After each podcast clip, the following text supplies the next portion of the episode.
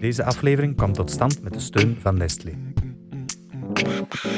Vaderklap de podcast. Papa, jij bent lief. Recht in je oor. Rust hier in mijn hart. Elke aflevering komt er een papa op de koffie bij Vaderklap. Papa. Vandaag klappen we met Jan Moers van Nestlé. en Wim Schotsmans van Vaderklap. Welkom Jan. Ik wil toch heel eventjes schetsen waar we zijn, want ehm, is best bijzonder. En we zijn ook heel erg blij dat we hier mogen zijn. We staan namelijk in een van de heuse echte studio's van Q Music eh, van DPG Media. Het is dankzij Nestlé dat we hier een aantal opnames kunnen doen. Vandaag de eerste. Heel fijn dat je tijd wilt maken voor ons.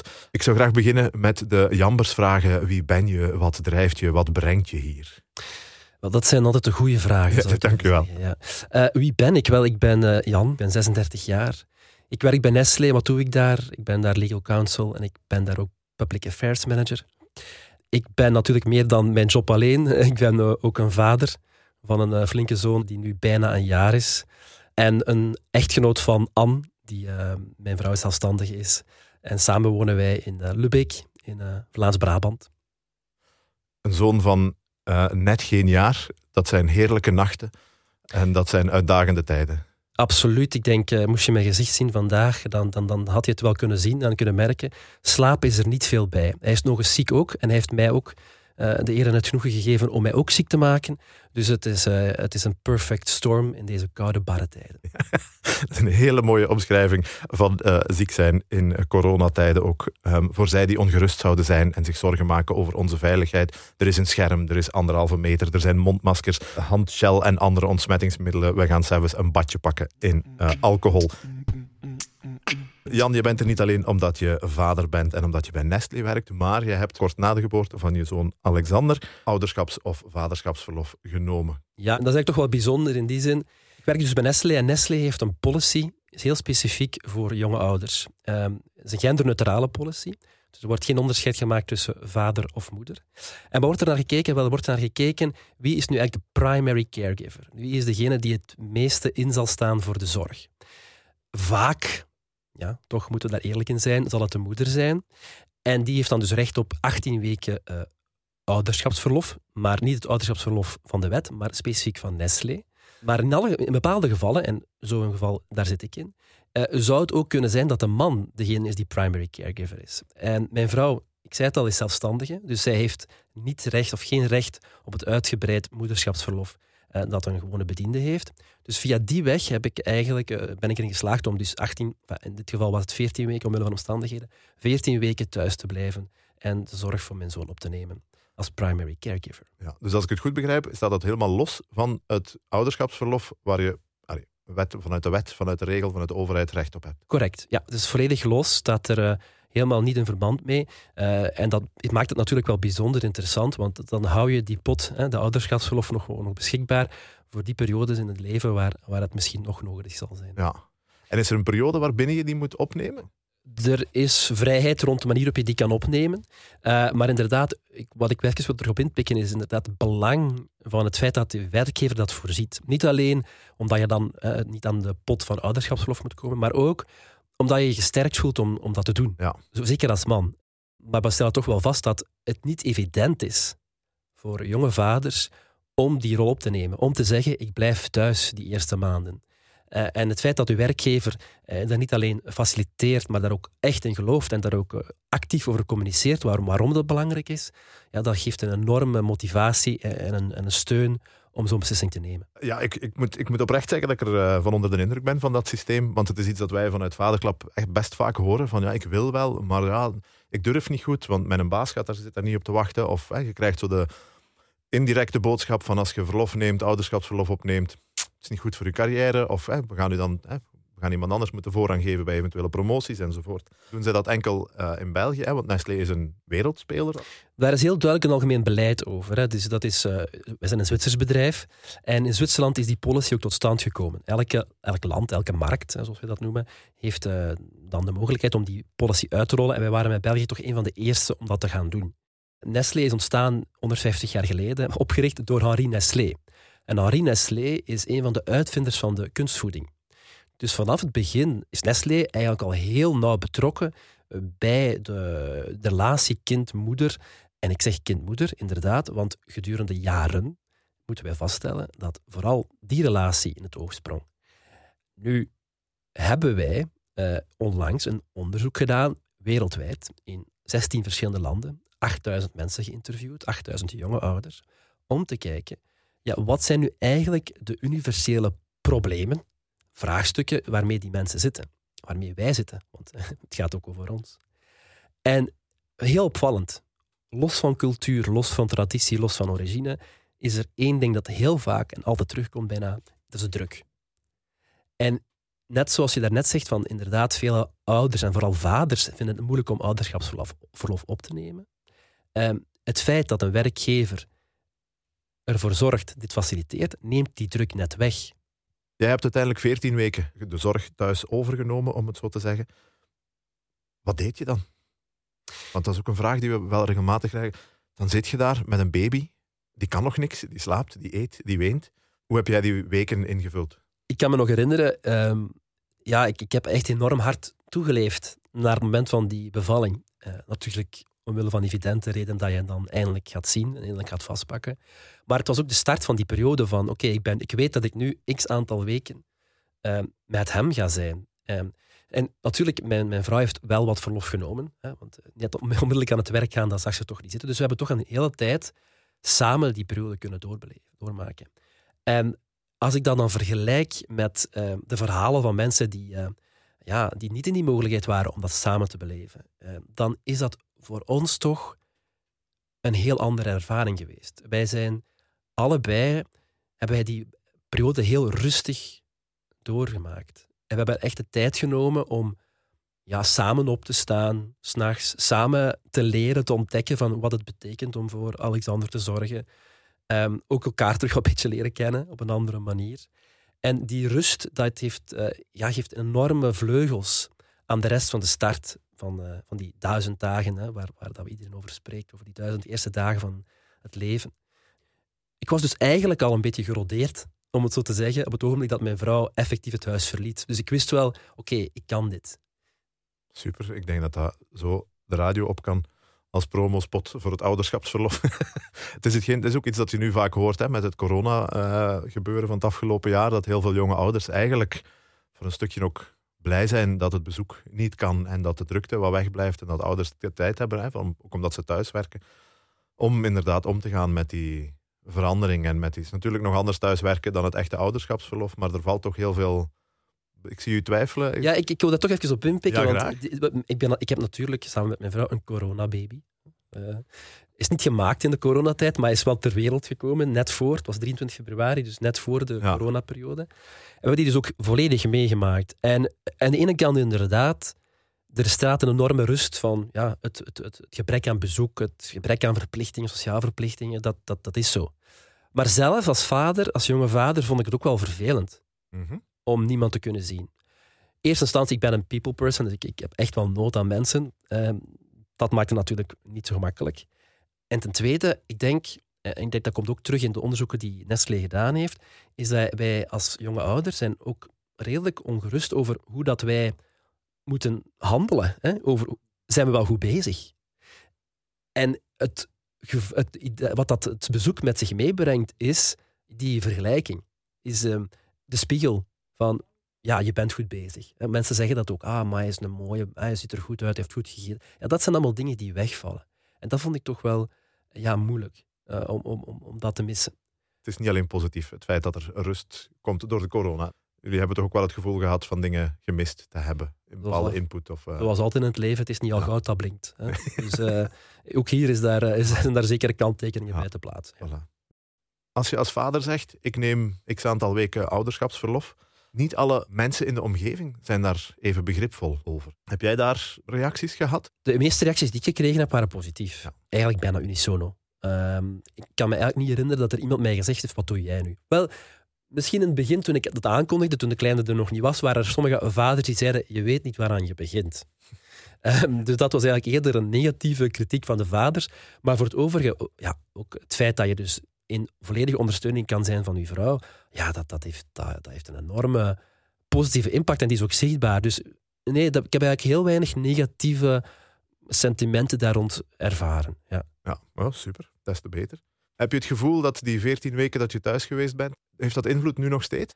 Het leven hervat en, en, en je neemt een snelle start. Mijn vrouw is ook in een nieuwe rol begonnen uh, na uh, het bevallingsverlof. Heeft een drukkere baan dan ervoor.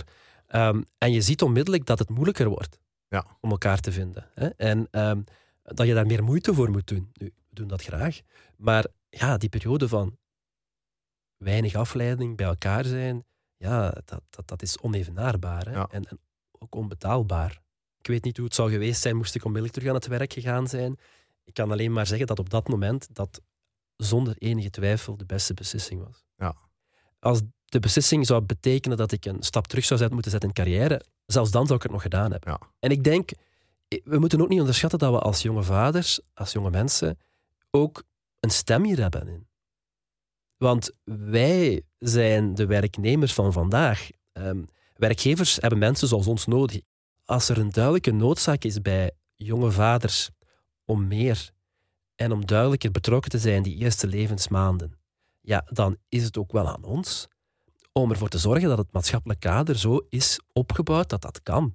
Ja. Een oproep zou zijn, oké, als je dat wilt doen, doe het. Ja. En trek je niet te veel aan wat de rest zegt. Ja. Het gaat in hemelsnaam over drie maanden. We moeten werken tot ons 70. Het is een illusie, denk ik, dat er repercussies zullen zijn op uh, carrièrevlak. Wat met werkgevers? Wat zou je aan hen als boodschap kunnen geven? Ik zou zeggen, kijk, ja, um, die eerste levensjaren van een kind zijn zo belangrijk. Het is maatschappelijk van groot belang dat vaders een rol spelen in, in, in die opvoeding. Maar ook de jonge ouder, de jonge vader wil het. Meer en meer zien we dat jonge vaders daarom vragen. Dus dat betekent ook wel dat je misschien talentvolle mensen kan afstoten als je een dergelijke filosofie hanteert als bedrijf. Of positief dat je talent kan uh, aantrekken met dergelijke uh, policy. Toen ik zei dat Nestlé dat voorzag, ja, waren heel veel mensen geïnteresseerd. Oh, amai, Nestlé doet dat.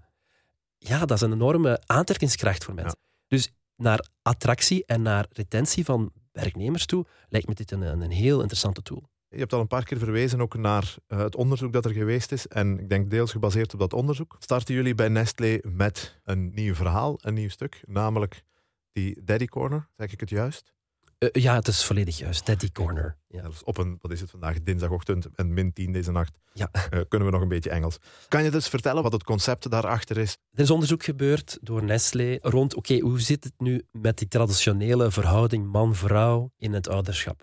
In België hebben bijvoorbeeld duizend jonge ouders geïnterviewd, helft mannen, helft vrouw, om te kijken hoe verhouden zij zich in die verschillende stadia van een zwangerschap en een bevalling en, en daarna.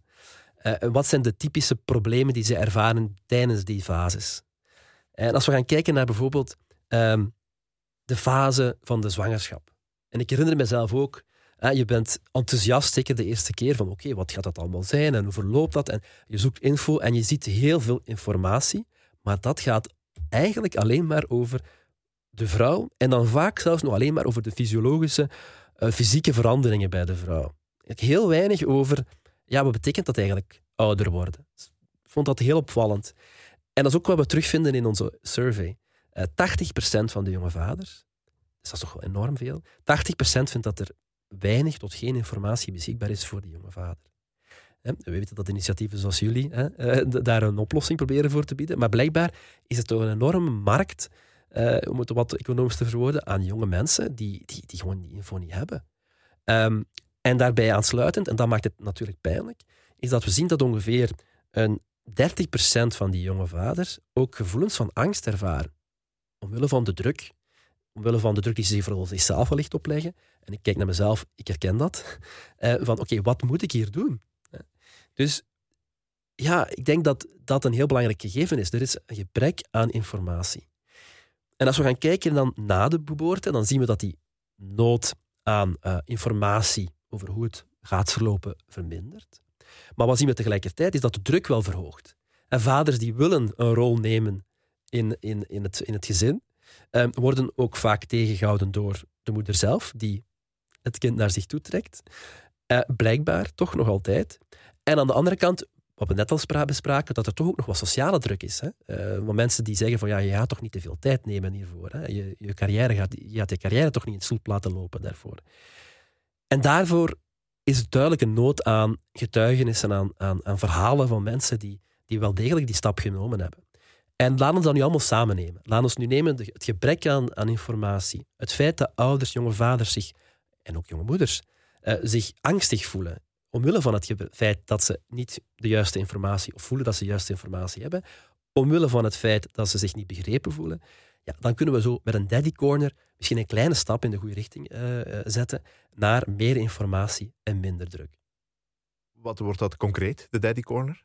Wel ja, concreet, je moet je voorstellen, je gaat naar de website en, en meestal zijn dat vrouwen die dat doen. Hè? Ja. Allee, ik, denk dat, ik heb het opgezocht, ongeveer ehm, drie keer meer vrouwen eh, op onze website dan mannen. Dus, maar als man op de website komen, vandaag betekent dan ook, ja, je krijgt alle onderwerpen die je overal dan wel, wel ziet voor, voor, voor vrouwen. Hè? Mhm. Niets voor mannen. Dus we dachten, oké, we moeten daar iets aan doen. Dus als je naar de website gaat, je gaat dan, eh surft daarnaar en dan zie je eh, een, een daddy corner, een specifieke site voor de, voor de jonge vader, waar dat je testimonials terugvindt van andere vaders, waar je informatie krijgt van psychologen die eh, vertellen over hoe de band met, de, met, de- met een kind kan gevormd worden. Die eh, ook wel wat fun dingen, een quizje hier, hè, van hoe, Ja. wat, wat voor ouder je gaat worden, eh, kan worden. Eh, en een boek. Je kan ook, als je inschrijft in, in de web, op de website, dan krijg je ook een boek toegestuurd gratis, waar ook weer meer informatie staat.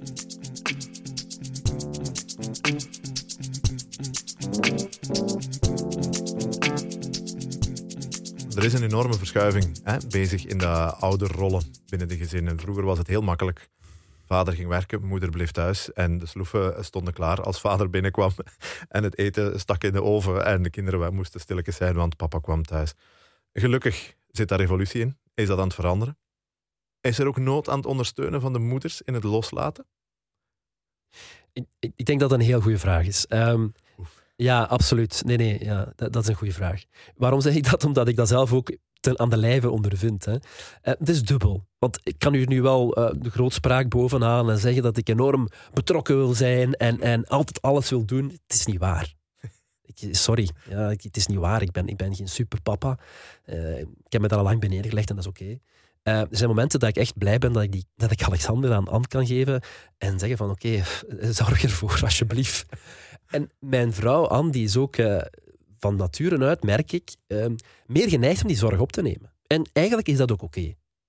Maar het probleem stelt zich soms dat je voelt van ja oké, wat ik hier nu ga doen, als ik hier nu het ga doen, gaat dat wel oké zijn. In de ogen van de moeder. Ja. Ehm, en dat vonden we ook terug in het onderzoek. Hè, dat veel jonge vaders een rol willen opnemen, ehm, maar eigenlijk niet goed weten hoe dat ze de toren van de... Van, ik maak het er een karikatuur van. Hè, de toren van de moeder kunnen eh, vermijden als ze iets verkeerd doen. Ja. Dus ja, ik denk dat daar de enige oplossing is dat je daar over praat en dat je daar eh, een gesprek over gaat. Eh, en dat eigenlijk alles goed is. Ik wil ook, wat ik zou willen vermijden, is dat ik de indruk geef van ah, we moeten alle rollenpatronen doorbreken en het moet allemaal evenwichtig, evenwichtig verdeeld zijn. Nee, daar gaat het niet over. Het gaat erover dat iedereen zijn rol kan en mag spelen. En, en, en in een relatie is dat denk ik de beste voedingsbodem, niet voor de relatie zelf, maar ook in de relatie met je kind. Ehm, en ja, dus een lans voor communicatie met elkaar. Ja, het is ook iets dat blijkt bijvoorbeeld uit het, ehm, het boek van eh, Nina Mouton. Hij heeft daar ook een heel hoofdstuk over de poortwachtermoeder, hè, die aan de deur staat en beslist wanneer de papa wel of niet binnen mag en mee mag doen. En vaak de afwachtende vader, die wel wil, maar die inderdaad niet goed weet, wat ga ik hier nu mogen doen en hoe ga ik dat hier best aanpakken, want daar staat er iemand aan de poort. We weten niet, ook niet als vader, wat wordt er nu eigenlijk van Nee. ons verwacht? Op internet vind je heel veel verhalen van jonge moeders met een depressie. Hè? Ja. Eh, heel veel verhalen van jonge moeders met mentale problemen in het algemeen. Ehm, je vindt dat minder terug van vaders. Nochtans denk ik dat dat toch ook een heel grote impact is. Ik heb het toch ervaren als een soort van klunzig moment. je hebt dan die zwangerschap meegemaakt, maar van op afstand. Want ja, je, kan gewoon die zwangerschap niet volledig mee, Nee, crisis niet meemaken. Dat kind is er dan en, en dan plotseling zit dat in jouw armen en je voelt je ja, een clown, een kluns. En misschien is die klunzigheid en het gevoel dat we daarbij hebben wel iets dat we meenemen de eerste maanden. Dit loopt de moeite waard om daar eens over na te denken van oké, hoe komt het nu eigenlijk dat wij als vader ons klunzig voelen? Ik heb het altijd een beetje gezien in de zin van een moeder wordt moeder van het moment dat daar een vruchtje zich begint te ontwikkelen. En ik ben vader geworden op het moment dat die verpleegster ineens zoiets klein in uw handen geeft. Hier, meneer. En ik denk dat dat een soort achterstand is die wij inderdaad wel oplopen. Een koers rijden, maar je moet een uur later vertrekken en dan een topcoureur voor u. Ja. Maar waar, waar ik echt aan, aan geloof, is dat mildheid een heel belangrijke rol speelt. Mildheid ten opzichte van de ander, maar vooral mildheid ten opzichte van jezelf. Er wordt zoveel opgelost met mildheid. Ja. En toch is het zo moeilijk.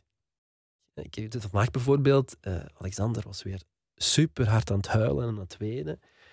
En ik heb me al zo vaak voorgenomen, en ik heb al gelezen, ja, kind, eh, dat huilt niet zomaar. En, en, en kind is zijn emoties, en, en je moet ervoor zijn. En, en, en, maar op dat moment dacht ik, potverdorie, zet nu toch gewoon stil. Ik moet morgen de weg op, het is kei gevaarlijk op de weg. Ja. Ik moet naar een podcast gaan. Dus ik kom daartoe heel opgejaagd. En ja, ik ben niet de perfecte vader dan. Absoluut niet. Ik doe dingen waar ik spijt van heb. Ja. En nu kan ik twee dingen doen. Ofwel kan ik daar enorm mee zitten, ofwel kan ik daar mildheid voor tonen voor mezelf. En ik geloof echt dat die mildheid heel belangrijk is. Ik denk dat ik op een of andere manier dat ook doorgeef met mijn zoon. Soms, als ik dan zo ambetant gereageerd heb, dan kan ik wel eens zeggen tegen hem van, sorry. Ik vind dat het feit dat wij als ouders kunnen erkennen aan onze kinderen, wij weten het ook niet altijd, neemt ook heel veel druk weg bij de kinderen. Ik ben opgegroeid met ouders die zogezegd altijd alles onder controle hadden, zolang wij keken. Maar als je dan achter de muren ging kijken, bij wijze van spreken, die wisten het ook niet. En dat is best oké. En ik ben nu heel bewust ook bezig met het erkennen aan mijn kinderen. Ah, dat weet ik niet. Hoe moet ik hier nu mee omgaan? Ik weet het niet. En die van mij zijn groter, hè, tussen 11 en 16. Dus je kunt daar echt mee in gesprek gaan. Maar ik vind het prachtig als ik je wil vertellen dat je zelfs tegen een 11 maanden oude baby zegt: Sorry, vriend, ik wist het even niet meer. Ik vind het een heel mooie, eh, een heel mooie houding. Ik ben even onder de indruk, inderdaad. Het, is, het is ook niet zo spontaan. Eh, Het is ook wel over Nee, nee. nagedacht, maar dat is oké. Ja. Ik denk net door het feit dat wij als, als nieuwe generatie ouders uitgedaagd worden en onszelf uitdagen, want wij willen een andere rol. Dus dat bewust met daarmee omgaan is, is volgens mij ongelooflijk waardevol. Maar dat maakt ook dat er ook, hè, zowel bij de moeders, mentale problemen eh, ontstaan, maar ik ben ervan overtuigd, ik heb dat ook daarnet al aangegeven, dat er ook heel veel vaders heel hard aan het zoeken zijn op dit moment van hoe moet ik hier omgaan met mijn rol? En het is een persoonlijke frustratie een beetje dat er zo weinig ruimte voor gemaakt wordt. Als vader luid op erkennen, ik trek het hier niet, dat is nog altijd een moeilijke. Hè? En nogthans, dat is zo belangrijk. Ik weet van de gesprekken met mijn vrienden die ook Ja. papa zijn, eh 9 van de 10 eh, van de verhalen die wij delen, dat zijn meestal de horrorverhalen. Eh, vrouwen heb ik de indruk, dat die delen ook de positieve verhalen. Ja. Hij is al bezig met te lopen. Mannen hebben minder, dat, eh, minder die neiging, heb ik Ja. de indruk. Meer te vertellen over, oh, tot deze nacht was het weer, was weer koek en dat is zoiets therapeutisch. Ja, Dat is zoiets therapeutisch Ja. waar je zegt van oké. En ook herkenbaar. Ik denk, dat is ook het, het- de reden waarom die testimonials zo belangrijk zijn. Herkenbaarheid, daarin zit zoveel zachtheid. Want ja, dat maakt dat je ook je niet alleen voelt. Dat je dat je je begrepen voelt en dat je weet van oké, this is life. Hè. Het, het leven is niet een Hollywoodfilm. Het nee, het is echt oké om het af en toe niet te weten en het niet meer aan te kunnen, precies. Hè? Ja. Ja. En het dan mogen zeggen is zoveel waard. Hè? Absoluut. Ja. We hebben van iemand, een jaar geleden of zo, nog bericht gehad die zei: eh, Het is heel moeilijk geweest voor hem om, om vader te worden. Hè. Het was moeilijk om zwanger te geraken. En die zei letterlijk: Moesten jullie er toen geweest zijn? Ik zou mij zo gesteund weten. Omdat we ook af en toe verhalen daarover brengen. En ik vind het superleuk dat ook een, een wereldspeler als Nestlé ons daarin meepakt. Jan, je sprak daarnet ook over, ja, met vrienden hebben we het al wel eens over het vaderschap. Op welke momenten komen jullie eigenlijk tot dat gesprek? Ja, natuurlijk in coronatijd en elkaar zien, dat is moeilijk. Hè? Ja. Eh, we hebben natuurlijk wel ervoor gekozen om af en toe virtueel eh, een borrel te doen. Ehm, en dan zien we elkaar virtueel. Ehm, en het, het grappige is dat we zo'n momentje hebben, en meestal wordt dat geïnitieerd door een van, van de mannen. Oké, ehm, laat ons nu even eh, twee minuten voor de kinderen hebben, zodat dat we, als we zelfs gedaan hebben met de kou, de vrouwen een antwoord kunnen geven op de vraag, hoe is het nu met een die? Ja. En af en toe wordt er dus, zoals ik straks zei, wat geklaagd, hè, van oh, het, is weer, het was weer de moeite en oh, het is toch erg. En, en ik denk dat dat heel veel zegt. Ja, Maar echt inhoudelijk diepe gesprekken, eh, zeer weinig. hè. Er wordt weinig verteld over het emotionele, het affectieve. Zeer Ja. weinig. Ja, het is een, het is een opvallend fenomeen hè, dat, dat vaders dat minder doen. Er zal minder behoefte aan zijn, denk ik, of vermoed ik. Of, of het zal nog niet standaard zijn om uh, luidop toe te geven uh, waar je mee worstelt. Als we elkaar zien, dan willen we het niet nog eens hebben over de dingen waar ja. wij heel de dag mee bezig zijn. En dan willen we het hebben over, over de voetbal en over, uh, ja, over de dingen waar wij over praten. Ja. Meer fun en minder. Ah, het moet plezant blijven. Hè? Ja. Zo. Als ik echt mee iets zit, dan kan ik wel terecht bij een paar vrienden die, die, die, die, die, die, die, er zijn. Hè? Maar dat gaat niet zijn op café in een groep van mensen of uh, nu de virtuele borrel. Da daar wordt dat niet besproken. Nee. Ik sta regelmatig aan de schoolpoort. Hè. Ten eerste zie, zie, ik daar nog altijd heel weinig vaders. Blijft me keer op keer weer opvallen dat het toch heel vaak de mama's zijn die daar staan. En als je dan de gesprekken, hè, want je staat er dan een beetje te wachten, wat half afluistert, dan gaat het bij de moeders heel vaak inderdaad over de kinderen, over het gezin, over het huishouden. En als ik dan eens met een andere papa begin te babbelen, dan is het inderdaad, ja, hoe was het op het werk? Uh, trekt je het een beetje, houd je het vol? En hoe combineerde jij het werk? En werkte jij van thuis uit? Of de voetbal? Of iets in het nieuws? En wordt er eigenlijk een beetje ehm, weggebleven uh, van het onderwerp kinderen. Heel gek, want steeds meer papa's willen wel actief papa zijn. En toch gebeurt die omschaling, of gebeurt dat weinig of niet? Maar misschien moet je het ook niet problematiseren. Nee, nee, dat hoeft geen probleem, maar het valt op. Een goede tip trouwens uh, voor die vaders die nog op zoek zijn op een leuke, toffe manier aan wandelen te doen, is uh, gaan wandelen met een duvel uh, in ons hand. Dat is bijzonder zicht, denk ik, als we door de straten van, van Linde, Lubbeek wandelen met een duvel in ons hand. Dan is het toch stoer en spannend. Zo. Voilà. ja, echte, echte mannen die door de straten lopen.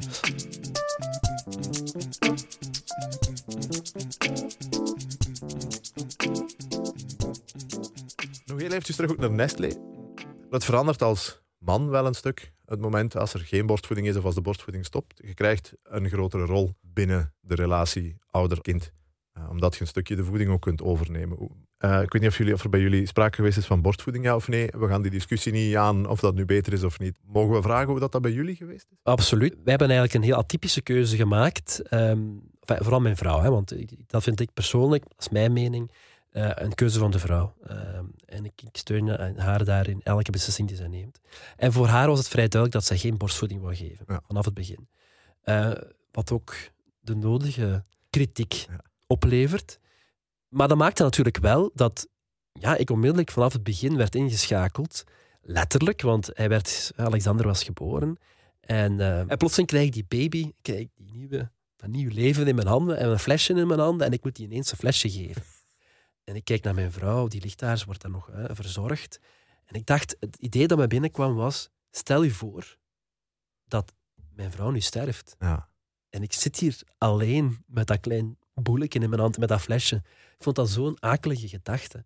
Ik heb niet zo het overweldigende gevoel ervaren van, oh, nu ben ik dat flesje aan het... Het was eigenlijk heel zakelijk. Hè? En, uh, maar inderdaad, het feit dat je dat flesje kan geven en, en dat je vanaf het begin betrokken kan zijn, letterlijk, heeft voor een vader natuurlijk wel een voordeel. De keuze die we gemaakt hebben had voor mij een persoonlijk positief effect. Het is inderdaad niet de bedoeling om hier nee. een heel eh, debat te gaan voeren over borstvoeding. Wel niet tot hoe lang, tot negen jaar of tot twee maanden. Het zijn keuzes die ieder voor zich moet maken.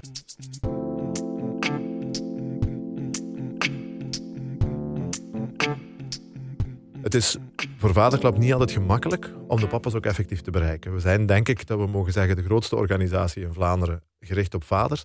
Vaders hebben interesse, vaders willen wel op de hoogte gehouden worden, maar van achter de schermen. En het is inderdaad heel vaak de vrouw die zegt: Hier, dat is interessant, lees dat eens. Of ik heb dat gelezen, dat is iets voor u.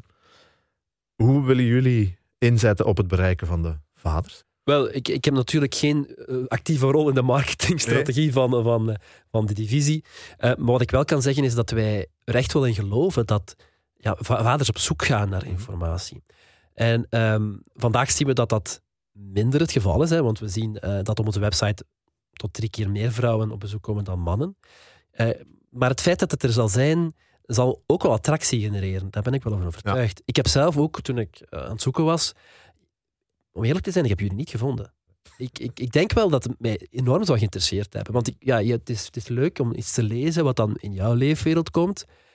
En niet altijd gaat over, uh, ja, nu zitten we in maand 7 van de, van de zwangerschap en de niertjes worden. Allee, ja, oké, maar, maar dat, dat weet ik wel na tien websites. Dus ja, ik, ik, heb, ik, ik zat een beetje op mijn honger. Dus ik denk dat het interessant ook is voor Nestlé om het platform aan te bieden voor beiden. Want zoals je zegt, de moeder zal wel eens gaan kijken en ziet misschien die daddy corner en die zal zeggen in plaats van lees dat artikel eens, ga eens naar die daddy corner. Ja. Dus het mergen van, van kanalen, zowel voor moeder als vader, lijkt mij een goed idee. Is er vanuit Nestlé nog iets dat je graag zou willen meegeven ehm, voor in de podcast? Maar ik denk dat we met Nestlé heel duidelijk willen aantonen van, ja kijk, het is oké om het gevoel te hebben dat het allemaal niet gaat. Om met vragen te zitten. En als je met die gevoelens zit, met die vragen zit, kom eens kijken naar onze website, naar de Daddy Corner. Deel je ervaring en laat ons samen ervoor zorgen dat we nog betere ouders worden in de toekomst.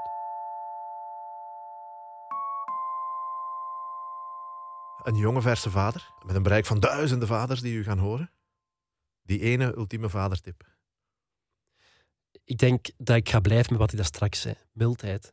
Mildheid voor uzelf, in de eerste plaats. Mildheid voor uw kind, mildheid voor uw partner. En dat dat een streven is en dat ook geen resultaatverbintenis is. Ik ben, ik ben en blijf een jurist natuurlijk. Ja, een inspanningsverbintenis. Correct. Ja. Wel, heel concreet betekent mildheid voor mij dat ik eh, mij toelaat om fouten te maken. En als ik een fout maak, dat probeer te erkennen. Eerst te herkennen, dat is al een grote, grote stap. Dan te erkennen en dan probeer ik dat mee te nemen in een volgend gedrag. Maar je ziet dat ik het woord proberen heel vaak gebruik. Ehm, maar ik denk, ja, die mildheid tonen is, is een stuk kwetsbaarheid ook tonen. Ja. En, en die kwetsbaarheid ook beleven. En niet alleen naar je kinderen toe, maar in het algemeen in het leven.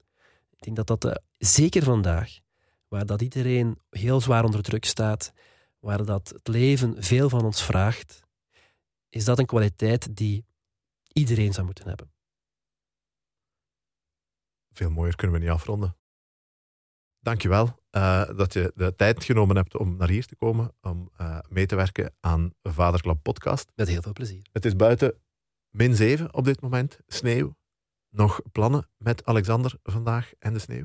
Ja, hij is nu uh, elf maanden, dus we gaan sneeuwballen gooien. ik ga er geen op mijn gezicht krijgen, hij wel. Hij wel. Maar hij is los. Dus mildheid voilà. mezelf. Ja. U luisterde naar Studio Vaderklap. Papa. Mis geen enkele aflevering en abonneer je gratis via eender welke podcast-app, via Spotify, Soundcloud of luister gewoon op vaderklap.be. Papa. Papa. Vaderklap wordt opgevoed en grootgebracht door de founding fathers Pieter en Wimmy, met de hulp van Wim, Stijn en Hans. De muziek is van Daan Richard, featuring Oeroes. Deze opname werd ondersteund door Nestlé. Volgende keer klappen met een andere papa. Tot dan!